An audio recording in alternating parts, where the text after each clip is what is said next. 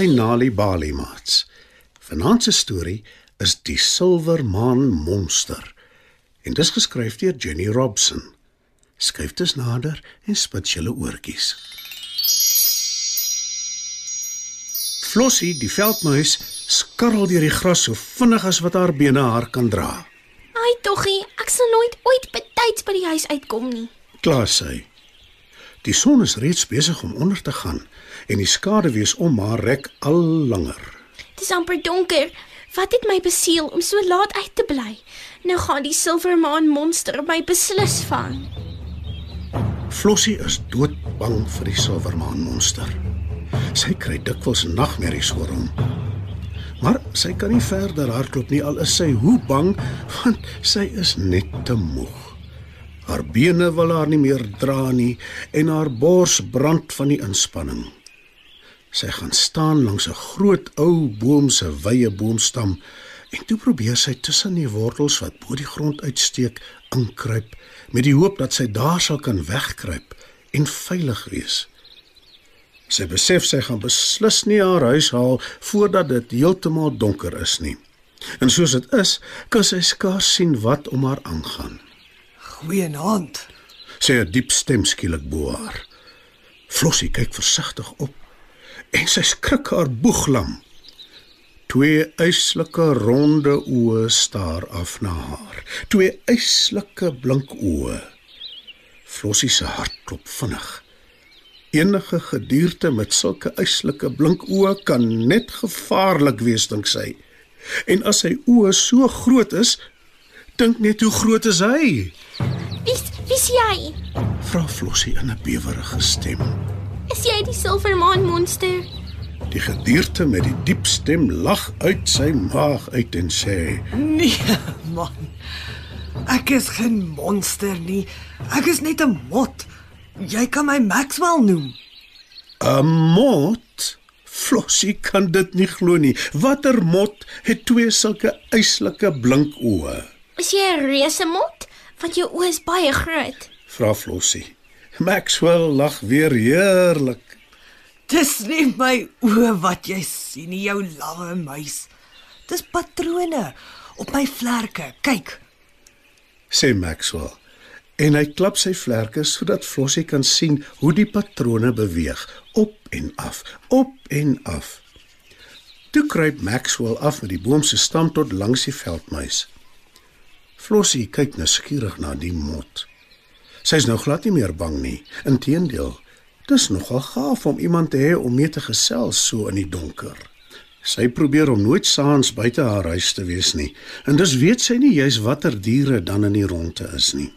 Vertel my bietjie hoekom jy so vinnig deur die gras gehardloop het. Ek het nie gedink jou bene sou dit hou nie. En dit lyk my ek was reg. Ek het probeer om by die huis te kom voor donker, maar dit is nou te laat. Dis klaar nag en ek is nog ver daarvandaan. verduidelik Flossie. En skielik is sy huilerig. Sy probeer hard om haar muistrane terug te knyp. Maxwell verstaan glad nie hoekom die muis wil huil nie of hoekom sy so graag by haar huis wil uitkom nie. Maar hoekom klein veldmuis? Hoekom is jy so angstig om by jou huis te wees? Die nag is 'n wonderlike tyd. Jy kan die maan deur bo in die lug sien skyn en alles lyk so geheimsinnig en pragtig. Wie wil nou binne sy huis wees? En behalwe die maan, luister net hoe die wind deur die blare ritsel. Is dit nie 'n wonderlike geluid nie? Dit klink soos iemand wat geheime fluister. Flossie luister aandagtig na wat Maxwell sê. Maar toe skud sy haar kop ferm. Nee nee, 'n duisendmaal nee. Die nag is 'n verskriklike tyd, want dis wanneer die silwermaan monster jag en klein meisies soos ek vang en opvreet. Wie is die silwermaan monster van wie jy praat? Ek het nog nooit van hom gehoor nie. Vra Maxwell. Flossie haal 'n slag diep asem en toe verduidelik sy. Die silwermaan monster vlieg met sy silvervlerke wat hy wyd kan uitstrek, nog wyer as 'n boom se takke. Hy vlieg onder die silverlig van die maan uit en dan sweep sy donker skaduwee oor die grond. Hy vlieg in doodse stilte sodat jy nooit seker is wanneer hy gaan toeslaan nie. En hy soek na meisies soos ek om te vang. Wanneer hy naby genoeg is, gryp hy ons in sy lang skerp kloue en dra ons weg in die donker nag in en niemand sien ons ooit weer nie. Maxwell skud sy kop en lag weer uit sy maag uit. Toe sê hy: Dis nie 'n monster nie, meisie. Dis net 'n uil. En hy's glad nie silwer nie. Hy is vaal bruin. En wie kan tog nou bang wees vir 'n vervelige ou uil? Moenie dit sê nie. Die Silvermaan monster jag motte ook. Piep Flossie nou weer baie bang. Hy kan altyd probeer. Spog Maxwell vol selfvertroue. En net toe is daar 'n willige klap van vlerke in die lug bokant die mot en die muis. Vere waai oral rond. Flossie kyk op en sien 'n groot silwer vorm wat van die helder lig van die maan af wegvlieg. Twee yslike groot silwer vlerke is wyd uitgestrek en hulle gooi 'n donker skaduwee oor die boomwortel waar sy wegkruip. Flossie is te bang om te beweeg. Sy maak haar oë styf toe. Die swiep geluid van die vlerke en die vallende vere kom al nader en nader. Sy is vreesbevange oor wat volgende gaan gebeur. Maar sy weet sommer al haar nagmerries het nou waar geword. Maar skielik is daar 'n harde, lelike gekras en toe 'n haastige geskarrel van vlerke en toe doodse stilte. Jy kan nou maar jou oë oopmaak. sê Maxwell en Flossie maak haar oë oop net betyds om te sien hoe die silwermaan monster wegvlieg. Wat het gebeur? Hoekom het die monster weggevlieg?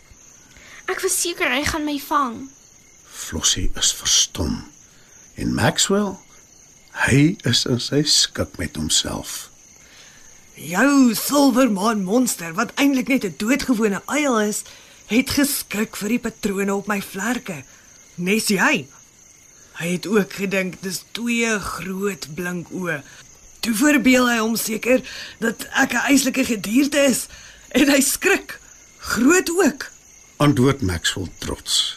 Jy is so slim. Sê Flossie vol bewondering. Ja, ek is nogal, né? Antwoord die mot en voeg by: Jy kan nou maar net hier slaap, klein meisie. Ek dink jy weet darm seker nou jy's veilig by my totdat die son opkom môre. En dit is presies wat Flossie doen.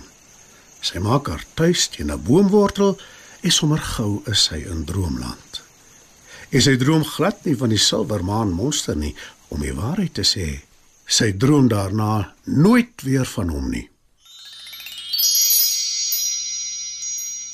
Mats, dit was nog 'n aanbieding van Nali Bali Storytyd. Die titel van vanaand se storie was Die Silwermaan Monster, geskryf deur Jenny Robson. Het jy geweet dat om tuis vir kinders stories voor te lees en te vertel, hulle kan help om beter te doen op skool? As jy gratis stories wil hê om vir jou kinders voor te lees of stories wat jou kinders self kan lees, besoek die Nali Bali webwerf www.nalibali.org of die Mobi werf www.nalibali.mobi. Daar sal jy stories kry in 11 amptelike tale, asook wenke hoe om stories vir kinders voor te lees en met hulle te deel sodat hulle hulle volle potensiaal kan bereik.